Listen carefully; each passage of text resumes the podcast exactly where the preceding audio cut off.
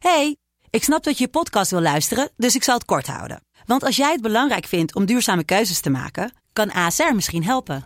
Nou hoor ik je denken, hoe dan?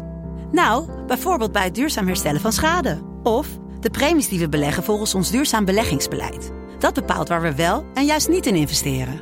Wil je meer weten over welke duurzame keuzes ASR maakt? Ga dan naar asr.nl slash duurzame keuzes. ASR doet het. Zo, dan kan je nu lekker naar je podcast luisteren. Dit is Mand, kortste podcast van Nederland. Vandaag een speciale aflevering, speciaal voor Valentijn. En, Dag. eh, dag, sorry. Niet die gozer van de Telegraaf. Nee, die alsjeblieft heeft echt niet. alles verkeerd. Jij de tyfus jij. Kut Valentijn, dit was Mand.